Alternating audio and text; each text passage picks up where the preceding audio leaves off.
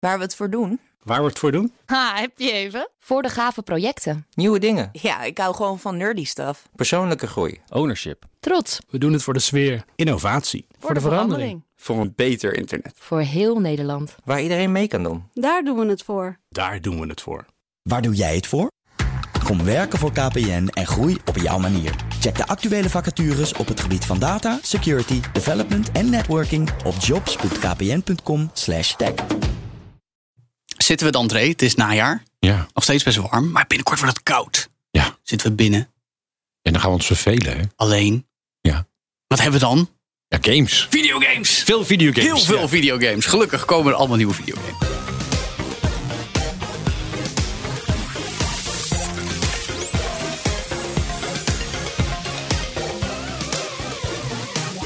Dit is All in the Game, de podcast over videogames voor iedereen.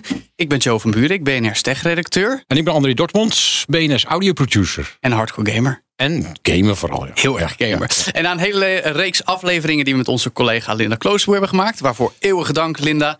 Gaan wij nu verder met je duiken in de wereld van videogames. Blijf gewoon lekker doorgaan met deze podcast en de minigame. Dus abonneer je op je favoriete platform op deze podcast. Beoordeel hem daar ook en deel hem met al je vrienden en familie.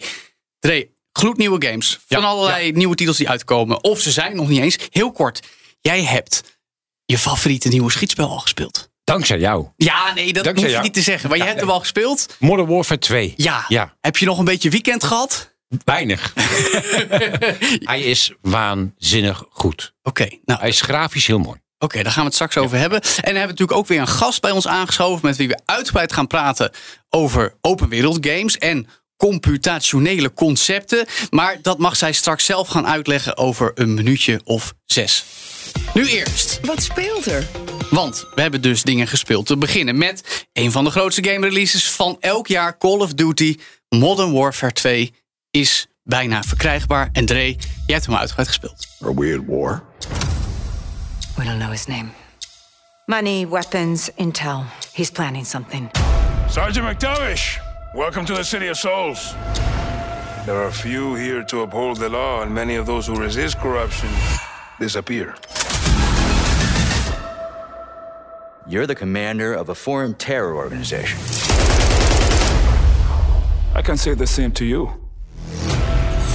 Ik heb hem heel uitgebreid gespeeld, ja. Het- het- De verhaallijn is waanzinnig gaaf. De verhaallijn? Ja. Speel je Call of Duty voor het verhaal? Nou, niet echt. Als het, als het filmpje te lang duurt, skip ik hem. Dan denk ik, ja, ik heb- weet je nu ongeveer. Maar er zit het, wat ze wel proberen, en dat proberen ze eigenlijk al heel lang, Ja. is er toch een soort verhaal in te, in, in, eh, in te brengen. En ja, het gaat hoofdzakelijk om schieten natuurlijk. Dat, Ja. Daar gaat het om dat je moet dan een veld in en dan moet je een huis leeg schieten. En, eh, Ja. Dus je moet opdrachten uitvoeren en je, je, je leert er ook de wapens kennen. Dus eh, in de, in de, de campaign, zeg maar, modus. Dus je moet met snipers schieten en met uh, Ja, want dat is het punt. Hè? Call of Duty staat de afgelopen jaren al zo bekend om wat er allemaal met online multiplayer kan. Dat de Mhm. campaign de afgelopen tien jaar, zou ik zeggen, eigenlijk meer een soort hele uitgebreide tutorial geworden is. Ja, zo kun je het zien. Want Maar- wat- er nu ook nieuw in is, is dat Ja. je kunt zwemmen. Dus ook on- onder water zwemmen. Oh, Er zat al in een aantal Call of Duty's zaten er al een paar, ja. af, een paar spellen geleden. Zat ook dat je in water kon, maar dat was heel klein. Dat was allemaal in vijvertjes en Ja. plasjes en zo. Maar dit, dit is echt gewoon, je kunt door rivieren heen zwemmen en zo. En je gaat, eh, je moet allerlei opdrachten uitvoeren. In de Dus, campaign dus. In de campaign, Ja, ja. en, en is hij de moeite waard? Voor de mensen, want de online multiplayer is nog niet beschikbaar volgens mij op het moment Nee. van spreken. Hè? Dus daar gaan we het later over hebben nog. Oké, komt eh, vrijdag. nou aanstaande vrijdag als we dit opnemen. Maar Ja. goed, de, jij hebt de singleplayer campaign dus al vooral gespeeld. Ja, En, de, en hoe is die? de engine is goed. De, de engine is, hij is stabiel. Hij is niet... Ze hebben een eh, nieuwe engine gemaakt. Hebben ze een nieuwe engine Dat is gemaakt? een vraag. Nee, weet ik niet. Oké. Ik, ik ben er wel in. Voelt het anders dan de vorige, technisch gezien? nee, hij voelt hetzelfde als de vorige. Ja. Ja. ik ben alleen benieuwd in de multiplayer in de- of ze dan ook dezelfde engine weer gebruiken. Lijkt dat me weet wel, ik toch? Dat Ja. denk ik wel, maar of het nou echt dezelfde engine is. eh, Kijk, Modern Warfare, de vorige, waar ook Warzone in zit, zeg maar. ja, Ehm, die engine was waanzinnig goed. ja. En toen kwam er een.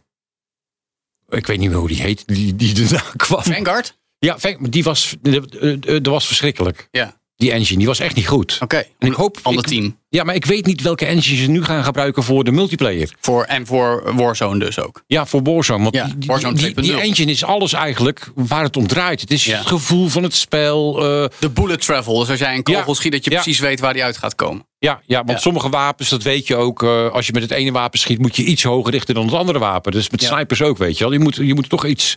Ja, dus dat is altijd de vraag. Maar het, grafisch is die waanzinnig, de Modern Warfare 2. Het level in Amsterdam, hij is kort, maar hij is zo Ja, mooi die heeft wel wat indruk gemaakt op de social media, zal Ja. ik maar zeggen.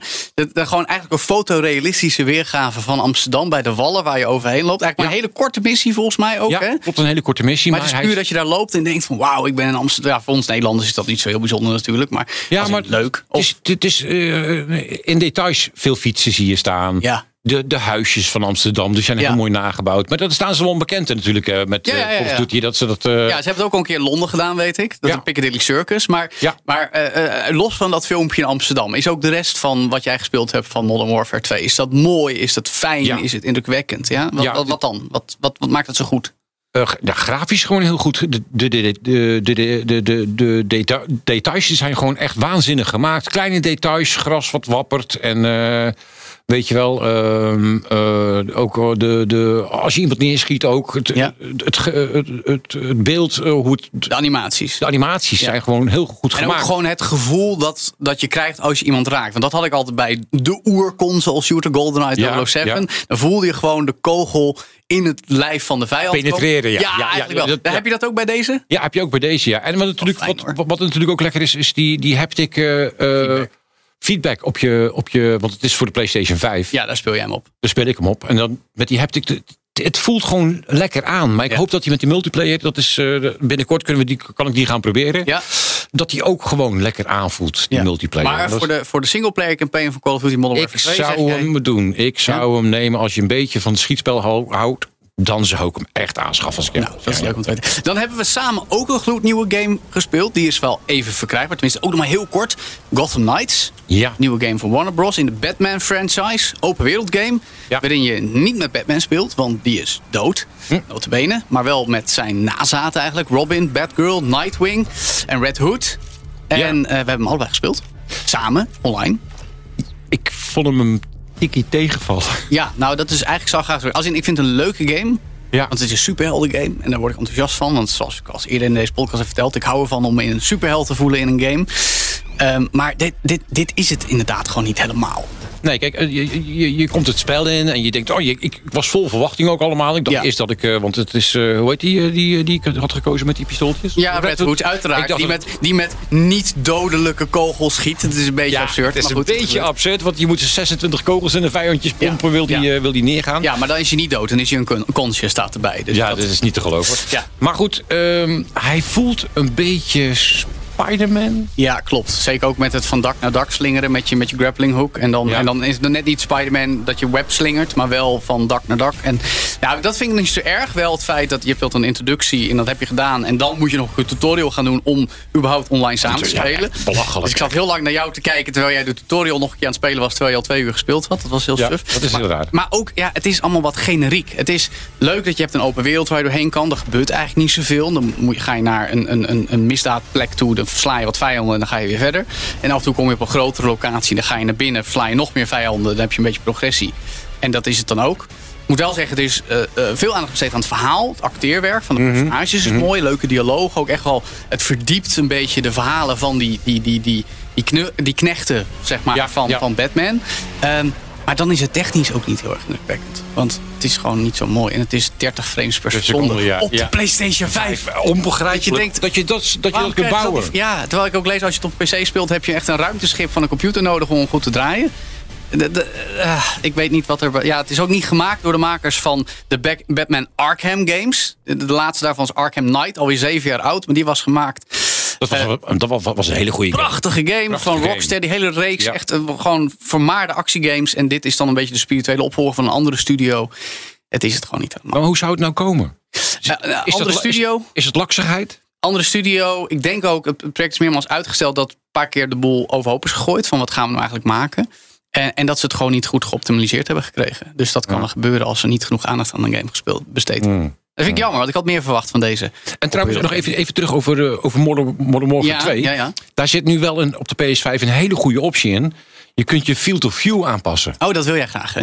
Ja, ik wil zoveel mogelijk zien. Ja, ja, ja. Dus kun je vijanden goed in de gaten je houden. kunt, hij staat, eh, hij staat eh, dus als je hem koopt, hij staat standaard op 50. Ja. Zet hem naar 120. Ja. Dan zie je een heel groot overzicht. En je kunt hem dan ook zo instellen dat als je richt met je wapen, dat hij dan terug gaat naar 50. Ja, ja.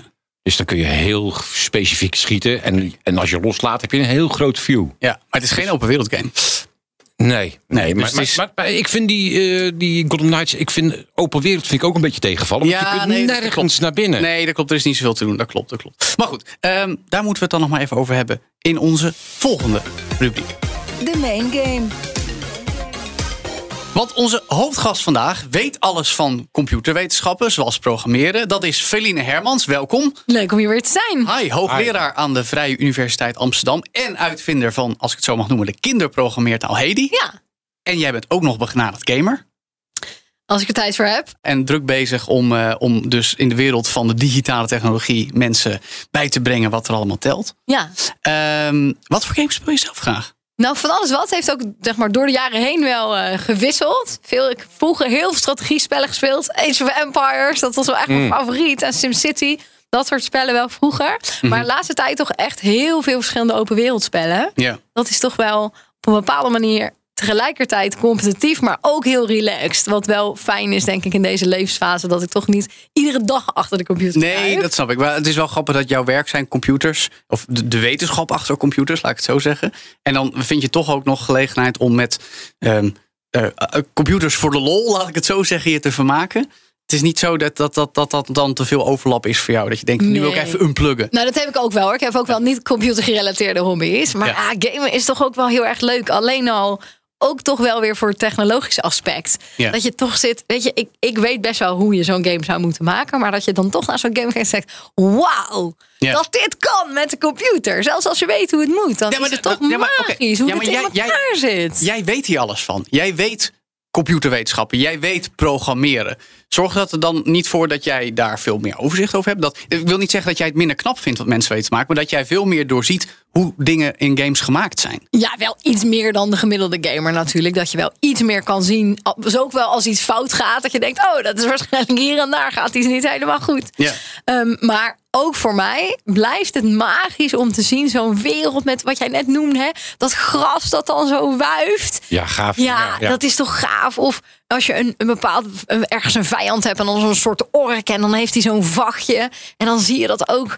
Of een, een paardje in Red Dead Redemption. Dat het dan zo'n vachtje heeft met zo'n Ja. haartjes. En die, Maar dat is dan de- is de- heel knap. De, de visuele uiting aan code. Ja. Hè? Is, Ja. is, is dat ook wat het dan zo indrukwekkend maakt? Dat, dat je, dat- kijk, bij code is natuurlijk, dat, dat, dat tref je aan in, in websites, heel simpel. In, in, publiek, in applicaties. Eh, maar in, in games is het het meest audiovisueel en interactief misschien ook wel. Omdat je er echt in beweegt als speler. Ehm, ehm, eh, of zijn er nog betere voordelen dat je zegt van dat is nou echt creatief, kunstzinnig bezig zijn met code? Nou ja, soms zijn games wel heel creatief natuurlijk. Dat er bepaalde dingen in zitten waarvan je denkt... hé, hey, dit is nou echt heel grappig bedacht. En dan denk je bijvoorbeeld aan Portal. Dat spel dat je dan jezelf door zo'n portal heen kon schieten. En dan je viel op de grond en dan had je ook een portal in de muur... en dan vloog je eruit. Dat je denkt, dat is zo leuk bedacht. Het is eigenlijk een soort kwinkslag. ehm, dat het dan heel leuk in elkaar zit... zonder dat dat dan per se technisch heel moeilijk is. Ja. Dat is dan de kunst van het game design natuurlijk. ook Precies, wel, dat is echt de kunst van het game design. Ja, eh, eh, waar, waar, waar, waar ligt voor jou dan vooral de, de, de kunde, Feline? Want je hebt het snijpunt, we hebben het hier ook wel eens over gehad in deze podcast. Dre. Weet je, game design zie ik een beetje als de ultieme ambacht. En dat, dat omvat ook dingen als programmeren, eh, audiovisuele dingen. Eh, eh, dat, dit moet een samenspel zijn. Ja, en geheel. verhalen en ook wel een soort moeilijkheid Storywriting, ja, zeker. Ja, want als het absurd moeilijk is, als je in de tutorial al zes keer af bent, denk je ja, dit is niet leuk. Maar als je overal doorheen vliegt, dan is het ook niet zo leuk. Ja. Ik heb toevallig een tijdje geleden, dat is dan geen open wereld game, maar ik heb samen met mijn man en wij Cuphead gespeeld. Ah, ja. ja, dat is zo'n soort, ja, een soort ad- adventure-achtig spel, maar dat is gewoon absurd moeilijk. Ja, een tweedimensionale actiegame met hele moeilijke bossfights. Ja. Eigenlijk alleen maar bossfights. Alleen maar boss maar dan wel in de jaren 30 cartoonstijl. Precies, en dat vond ik zo'n leuk spel. Ja. Omdat het dan precies wat jij zegt, die combinatie is. Een heel raar verhaal, want ze moeten ontsnappen aan een of andere duivel waar ze per ongeluk hun ziel aan hebben verkocht. Heel grappig verhaal. Een hele ja, aparte gameplay vanwege die absurde moeilijkheidsgraad. Mhm. Dat je gewoon inderdaad alleen maar bossfights achter elkaar doen. En dat je echt, dat ze echt uren met dezelfde bossfight bezig waren. Maar dat het nog, toch nog steeds leuk blijft. Dat vond ik een heel grappig, uniek spelletje zo tussendoor. Ja. Ehm, waarvan je dan denkt, ja, alle ingrediënten heb ik in andere spellen wel eens gezien. Ja. Maar deze unieke cocktailmix Ja. is gewoon zo bevredigend. Ik Ja. vind het echt knap. Dre, jij hecht veel waarde aan techniek, zei je net al. Want dat Ja. is dus het belangrijkste punt voor jou als jij Call of Duty speelt. Ja, ik speel veel shooters. En ehm, vooral als je multiplayer speelt, wil je gewoon dat het gewoon lekker in de hand ligt. En dat je, eh, als je de trekker overhaakt haalt, dat er dan ook iets Ja. gebeurt. Ja. Ja, want het, het, het- kijk, het- de, de, de meest voorkomende eh, problemen met shooters zijn lag. Dus Ja. Vertragingen, delays in je, Ja. in je controle. Zeker als je online speelt. tegen andere spelers. Ja, maar Ja. ook al als je in je eentje speelt, wil je dat die, die, die, die, die, die tactile feedback, zeg maar. Het feit Ja. dat je precies dat je ziet wat er gebeurt en dat het ook voelt. Dat is vooral, Feline, volgens mij een, een technisch programmeerverhaal. Zeker, ja, die lijk waar je het over hebt. Als je het o- hebt met multiplayer, vooral verschillende mensen op verschillende computers met verschillende bandbreedte internet, dat het echt heel moeilijk is om dat goed ehm, eerlijk en gelijk te krijgen en ook zo te laten voelen. Want het is natuurlijk niet heel relaxed als je iedere keer spont en dan ben je al dood voordat je door hebt van waar je beschoten wordt. Want is het niet omdat zo- iemand anders een snellere computer heeft. Want is het echt zo dat, eh, dat eh, als je in een multiplayer met elkaar speelt, ehm, dat er eentje van het geheel de host is? Eentje waar iedereen op lokt? Of werkt dat zo of niet? Eh, dat verschilt per game. Je kan games hebben die, zoals Minecraft, kan je zelf een server hosten. En dan ben Mhm. je echt zelf een, een, de server waar andere mensen op inloggen. Maar je kan ook eh, games hebben waarbij dat gecentraliseerd is. Dat jij dus inlogt op een server en iedereen op die, Op die gecentraliseerde server. inlogt. Ja. Bij die, dat laatste Age of Empires Online was dat zo. Dat er gewoon een Microsoft server was. Waar iedereen op inlogde. En daar ging je dan tegen elkaar. Ja, want Ja. het is, is een Call of Duty spel natuurlijk. Dus Je zit met Amerikanen, met Fransen. Je hebt geen idee wie er bij je in je lobby zit. Je gaat met twaalf man zo'n veld in. Ja, en je moet maar zien dat het dan... En dan denk je, ja, ik, ik, ik schiet, maar er gebeurt niks. Hoe kan hij mij nou ineens zien? Ik sta daar en...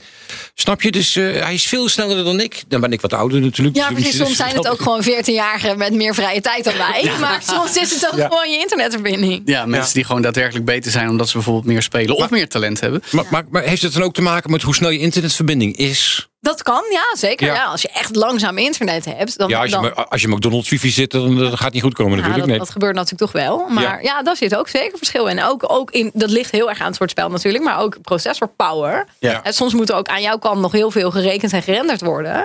Ehm, daar kan je ook verschil hebben tussen computers. Of jij op een 386 zit of Ja. op Ja. de laatste MacBook. Ja, dat maakt ook wel verschil. Jij, jij hebt een beetje overzicht over het hele eh, eh, computerlandschap qua ontwikkelingen. Want jij doseert er immers in. Ehm, waar, wat, is het aan de gamesindustrie waar de rest van de computerwetenschappen.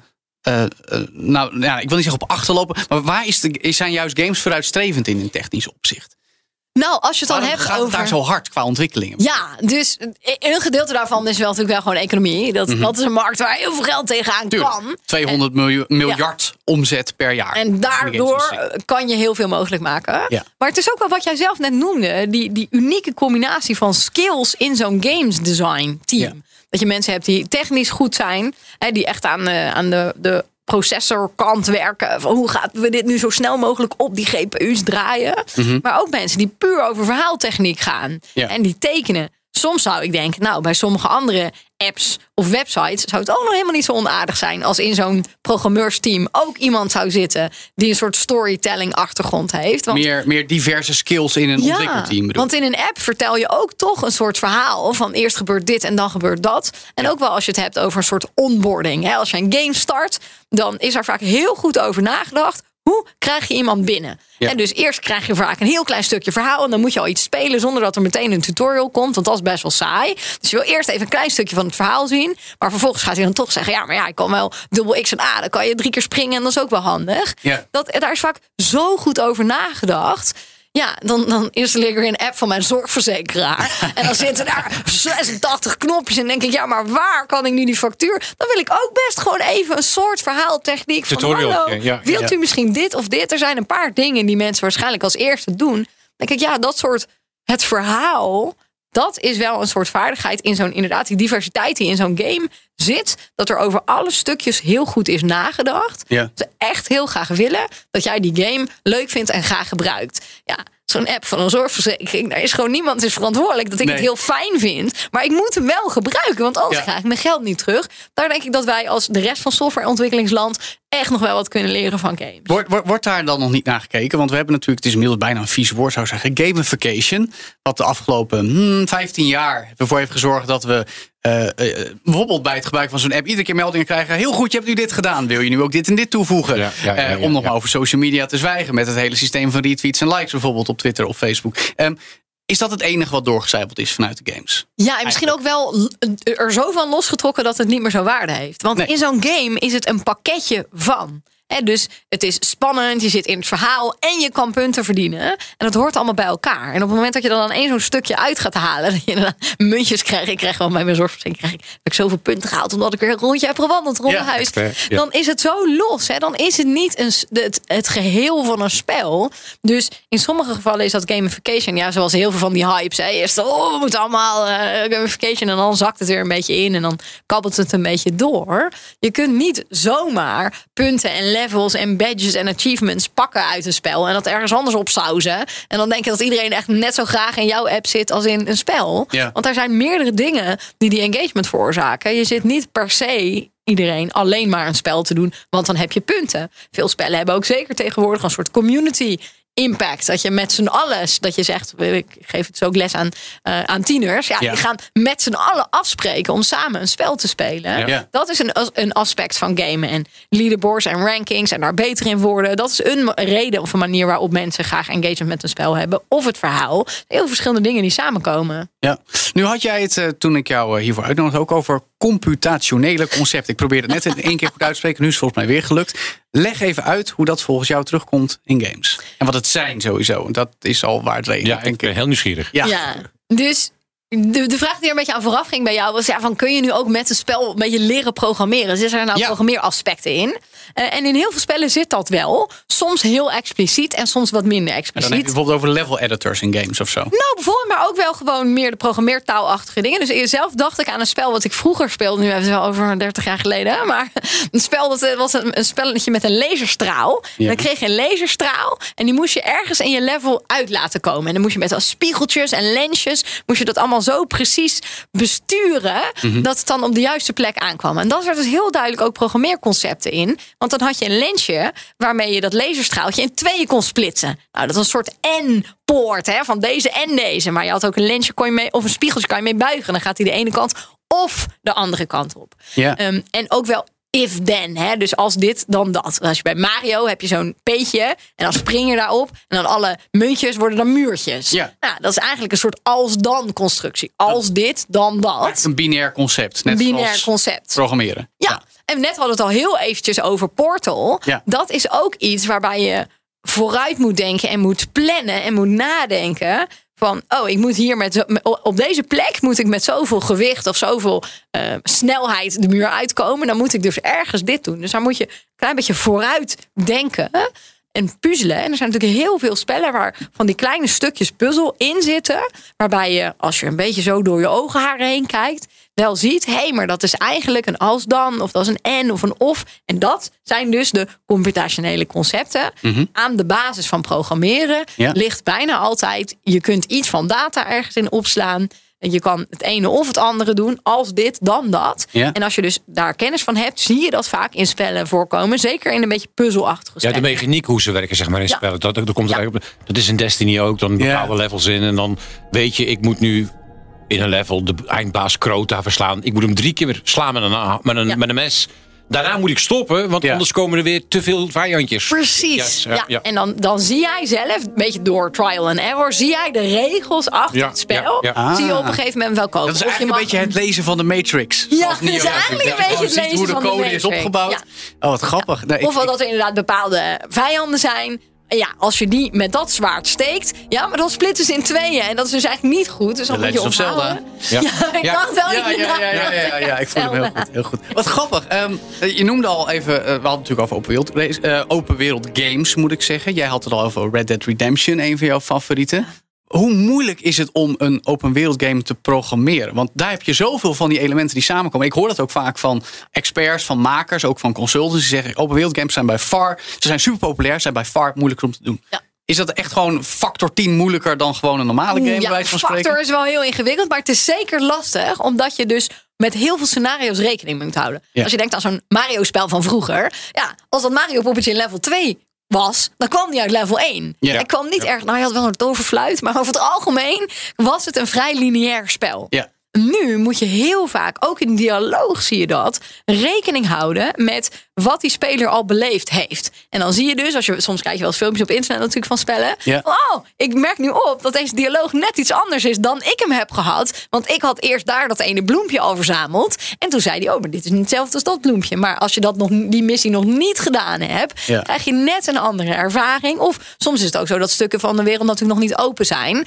Dat je eerst dan drie dingen moet doen. Dus bij ieder stukje spel moet je er wel in programmeren. Als deze missie al is gedaan, dan moet dit stukje dialoog. Of als deze missie nog niet is gedaan, dan staat hier niet een kabouter op dit Ja, ja, ja, ja. eh, kruispunt. Dan Ja. is het gewoon nog leeg. Maar als je daar dan, hè, dat is ook wel het leuke van Ja, zo'n spel. ja, ja. Dan kom je daar langs en denk je, maar staat hier- dit heb ik eerder nog niet gezien. Oh, dan Ja. kan ik nu, dan zal er wel hier een missie te doen. Dit geeft me nog meer waardering voor een spel als GTA 5. Heb je natuurlijk ook veel Ja. gespeeld. Ja. Want daarin heb je bij uitstek van dat zo. soort opeenvolgende situaties die alleen kunnen plaatsvinden nadat jij ergens, Ja. al is maar een heel klein dingetje in het verleden in het spel gedaan. Ja, en dan ook nog vaak zelfs als je bepaalde kleding draagt. Ja, of als nog. je een bepaalde allemaal waarden hebt. die daar in mee kunnen En dan moet dus inderdaad ergens een hele grote tabel staan.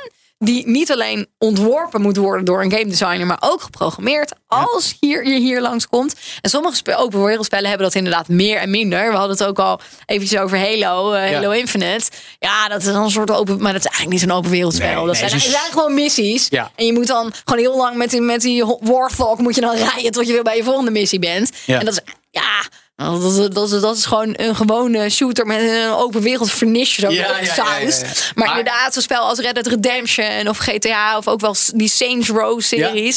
De- die hebben daar echt heel goed over nagedacht. In welke sequentie je allemaal dingen zou kunnen doen. Ja. En dat is wel net dat open wereld feeling. Dat je echt dat gevoel krijgt van ik woon in deze wereld. Ja. Ik ben hier dingen aan het doen. Ik ben hier iemand met een bepaalde backstory. Ja, Ja. dat vind ik er dan dus heel leuk aan. Dat vind ik eh, grappig, maar dan tot slot vraag ik me ook af: is het dan omdat je dit allemaal zo hebt uitgelegd, omdat jij weet hoe lastig het is, dat je extra waardering en plezier hebt in open wereld games, of is dat gewoon leuk? Ja, dat vind ik een hele leuke vraag. Ik denk dat het toch altijd wel een beetje zo is dat als je kennis van het maken hebt, dat je er dan meer waardering voor hebt. Ja. Eh, ik maak ook wel zelf eigen kleding. En dan zie je iemand anders die ook kleding gemaakt heeft. En dan zie je toch van, oh, dat is wel echt heel mooi afgewerkt. Dan krijg je dan toch meer waardering voor als je weet hoe moeilijk het is. Ja. Dat is zeker waar, maar ik denk dat het maar een klein stukje is. Want het is ook wel gewoon heel leuk om te spelen. Ik hou dus niet zo heel erg van shooters of van die hele snelle strategiespellen. Shooter zegt de dame Ja. die graag Far Cry speelt. Ja, oké, En maar, dat, is- ja, oké, maar dat, is- dat is wel ook wel met een verhaal. Ja, niet zoals vroeger nee, hadden we... Geen Call of Duty voor jou bedoel Nee, je? geen Call of Duty. Waar wij Dirk. echt... eh, of ja, mijn vriend speelt dan echt heel graag Starcraft. En er gebeurt allemaal zoveel tegelijk. Dan denk ik, dat is vast ook heel knap geprogrammeerd. Ja. Maar dat, ja, dat, dat vind ik dan niet leuk. Dus het is zeker niet alleen maar... Kom je nog wel eens spellen tegen dat je denkt van... hoe hebben ze het in godsnaam kunnen bedenken dit? Echt, dit is verschrikkelijk. Ja, dit is verschrikkelijk. Dit is zo slecht. Dat het heel slecht gemaakt is. Ja. Ja, je had wel met die nieuwe Red Dead Redemption zag je heel veel in het begin heel veel filmpjes van allerlei dingen bugs. die er dan van bugs, Ja. van allerlei dingen die er dan misgingen. En dan denk je natuurlijk wel een beetje van ja, en hoe lang was het? Was ontzettend lang jaren met dat spel bezig geweest. Ja. Aan de ene kant denk je dan ja, hoe kan, hoe kan het zo slecht zijn? Aan de andere kant ook weer toch wel dat perspectief van maker. Je snapt zelf ook hoe moeilijk het is om zoiets te maken. Dus het is ook wel weer dat je denkt, ja, ja mijn eigen software heeft ook wel eens een foutje. Ja. Dat is ook wel gewoon heel erg moeilijk. Maar je komt weinig slechts tegen, zeg maar. Ja, dus het is tegenwoordig wel zo dat de grote spellen natuurlijk. Er even wel indie spellen die je misschien kan downloaden met voor een paar euro op Steam. Maar die grote spellen die zijn wel zo gepolijst dat daar ja, niet heel vaak meer iets in misgaat. Of het wordt toch wel redelijk vlot gepatcht. Ja. Dus je komt niet. Ik, ik in de, de, de grote mainstream spellen die ik speel, niet vaak hele gênante dingen meer tegen. Behalve die zie ik dan op Twitter. Weet je, dan zie ik dan allemaal filmpjes van. oh, jongen. Maar dan moet je ook wel een beetje zoeken. Hè. Er zijn natuurlijk ook mensen die dat leuk vinden. Die daar sport uithalen. Van ik ga die hele wereld, zo is ik zo'n open wereldspel. Ik ga uit alle hoekjes zoeken en kijken wat er allemaal kapot kan. Wat gebeurt er als ik dit paard in die wagon smijt? Of Ja. ja, Ja. dat is ook leuk. Maar daar moet je dan ook wel een beetje smaak voor hebben. Denk Ik ben avonden bezig geweest eh, in GTA Ja, ja, ja. om de trein te stoppen. Ja, ik herken dit. Ik Ja. herken het. We hebben nog tal van voorbeelden. Maar goed, dankjewel voor het toelichten van eh, de techniek achter videogames. In, in een bijzonder open wereld games. Daar horen we vaak, eh, eh, horen we graag nog een keer wat van. Dankjewel. Feline Hermans, hoogleraar Computer Science Education aan de Vrije Universiteit Amsterdam. Retro-rubriek. En dan sluiten we elke aflevering af met een momentje om terug te blikken op oude videogames. In de retro-rubriek. Dat doen we vandaag met onze energie- en klimaatverslaggever tegenwoordig. Als ik het goed zeg, Mark Ja, Beekhuis. Hoi. Goed dat je er bent. Welkom. Mark. Ehm, jij zei een tijdje geleden tegen mij op de redactie... ik ben niet zo'n gamer. Ik ben helemaal niet zo'n gamer. Helemaal niet zo'n gamer, maar er is één Wel, soort dat game... met die, met die lasergame, dat herkende ik wel. Dat heb Oh, ik ook dat, gespeeld. dat dan weer wel, ja. Maar er is één soort game, één genre eigenlijk... wat jou eh, toch wel kan bekoren. Jazeker, dat zijn de text adventures of interactive fiction. En dat heet meteen ook alleen in het Engels, want dit bestaat ook bijna alleen in het Engels. Nee, ja. En dat is, je kan je van herinneren van vroeger, een zwart scherm met groene lettertjes. Dre. Mhm. Ja, nou ja, zeg Zo maar. oud ben ik nog niet, maar ik weet wat je bedoelt. Ja, maar weet het nog dat. wel, denk ik. Ja, ja, ja. Daarop, ah, gelukkig herkent het ook. Maar daarop kan je gewoon een volledig spel spelen zonder dat je daar graphics op nodig hebt. Dat hoeft al, namelijk allemaal niet. Je Ja. kan gewoon beginnen met een tekstje. Je staat in het bos. Eh, er is een klein stroompje links van je. Ja. En dan lees je zo'n paar regels. En dan eh, staat er een dingetje te knipperen en dan mag je iets intikken. Ja. Ehm, kijk. Oké, kijk. Nou, je ziet dat het stroompje dat het, eh, dat het niet zo diep is, of juist wel diep is. Je ziet dat er een kabouter om de hoek staat. Dus, de, en de simpelheid daarvan. Ja. dat vind ik is- geweldig. De grap is, het i- dit is een beetje een lost art. Terwijl dit is Ja, dit- eigenlijk waarmee games in de jaren 70, 80 groot zijn geworden. Ja, voordat ja. er graphics ook werden getoe- jaren toegevoegd. eh, 60, 70. 60 zelfs, ja precies. Ja. Dit is de basis van, van avonturengames. Zoals we ze nu met allemaal flitsende beelden zien. Maar alles wat jullie net besproken hebben, Ja. zat daar al in. Op Ja. een andere manier, er werd alleen geen plaatje bij. Dat wil ik zeggen, ze hoefde niet in beeld en geluid te worden gebracht doorgaans. Dat is het grote verschil. Er- Is er één specifieke titel die jou het meest eh eh bekoorde dan? Ik heb echt uren en uren geworsteld met Hitchhiker's Guide to the Galaxy. Uit welk jaar was dat ongeveer? Ruwweg. 86, 85, ik Ja. weet niet meer, zoiets, lang, lang geleden. Maar- ik ben ook nooit heel verder in gekomen. Maar toch kon die jou heel erg aanspreken. Eh, ja, zeker. Nee, en wat, wat daarbij heel leuk is, iedereen liep vast in dit soort spellen. Het was echt een soort. eh, ja, je wist gewoon allemaal, deze spellen zijn te moeilijk. Je kan op de een of andere manier met een plaatje net iets meer hints geven dan Ja. zonder plaatje. Ja, want je moet maar net het juiste woord bedenken om verder te komen. Nou, die, die woorden zijn redelijk beperkt. Die kan je afleiden uit, uit de tekst. Maar ergens moet je dan toch een boek van een plank gepakt hebben. Of iets bij je hebben. Of een. eh, Nou ja, in ieder geval, dat is, op de een of andere reden is dat zonder plaatjes toch moeilijker te spelen dan met. En daar is ook iets voor bedacht. Zo gauw het internet kwam, kwam daar het Universal Hint System voor. Ah. Ik heb net nog even teruggezocht. Voor de Hitchhiker's Guide is er ook eentje. En dan bijvoorbeeld helemaal in het begin, dan lig je nog in bed en dan moet je opstaan. En dat lukt niet als je niet eerst het licht aan doet. Ah. En dan als je dan zegt, oké, ik zit vast, ik zit op aarde in mijn woonkamer. How can I wake up? It seems too dark to be getting up. En dat is een hint. Dat is hint 1. Ja. Als je dan uiteindelijk bij hint 4 komt, zeg je, ja, je moet wel het licht aan doen, joh. Ja. Eh, die, die heb ik niet gecheckt, maar dat is hem zeker. Maar dus Ja. dat is, als je vast zit, kan je ook een klein beetje geholpen worden. Je kan natuurlijk ook samen met iemand anders proberen. Ja. Maar dus, eh, dat is ook, hier zit ook meteen de zwakte in van dit soort spel. Dat ze toch bijna allemaal te moeilijk zijn om zonder hulp te spelen. Kan, ik, kan ik hem een beetje vergelijken met Leisure La- Larry? Ja, daar Leisure Suit Larry. Leisure Suit Larry en The Land Ja, of the Lounge. Lizards. Ja. Zeker. Ja. Eh, hoewel daar wel een plaatje in beeld was met een tekstje onderin. Ja. Ja, Eh, maar dat plaatje in beeld, dat deed verder niks. Dat was gewoon een illustratie. dat was gewoon een statisch plaatje. Hoewel ja. daar misschien toch hints in zaten. Als Ja, je goed oplet. Als je goed oplet, wel, ja. ja. Dat is- wel uitgespeeld. Ja, Oh, dat dan weer wel. Ja, dat iets makkelijker, denk ik. Ja, precies. Wat ik grappig vind, anno 2022 zijn ze er weer. Maar dan eh, met AI. Die heb ik gespeeld. AI Dungeon bijvoorbeeld. Waarin eigenlijk Ja. een AI voor jouw situaties genereert. En jij daar input op geeft. Het is, iets, het is een beetje een derivaat. Het is niet helemaal hetzelfde. Nee, nou, wat, wat er heel vervelend is aan dat spel, want ik heb dat ook gespeeld. Ah, kijk aan. is dat het. eh, er zit niet een verhaallijn in die bedacht is. Die wordt ter plekke, ter plekke voor jou gegenereerd. Zeker. En het heeft ook niet echt een goed geheugen. Dus het kan best zijn dat je eh, door een deur loopt. En je zegt, ik ga terug. Zeg, terug waarheen dan? Ja. Terug ja. door de deur Domme natuurlijk. En dan is dat, maar dat is dan alweer vergeten het systeem. En dat was wel echt heel leuk. Dat, eh, je had net over verhaallijnen, dat die zo belangrijk zijn.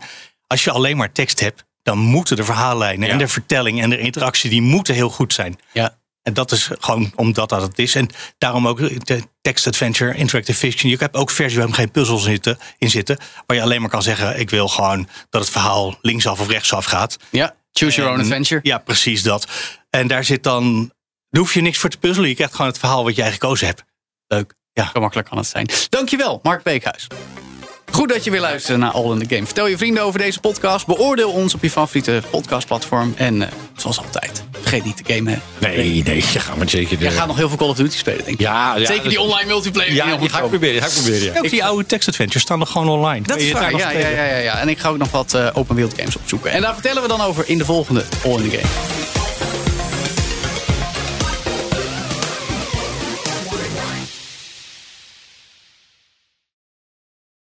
Ook Diana Matroos vind je in de BNR-app. Ja, inderdaad. Je kunt live naar mij luisteren tijdens de Big Five. Ook handig in de BNR-app. Breaking nieuwsmeldingen, maar ook het allerlaatste zakelijke nieuws. En je vindt in de app alle BNR-podcasts, waaronder Wetenschap Vandaag. Download nu de gratis BNR-app en blijf scherp.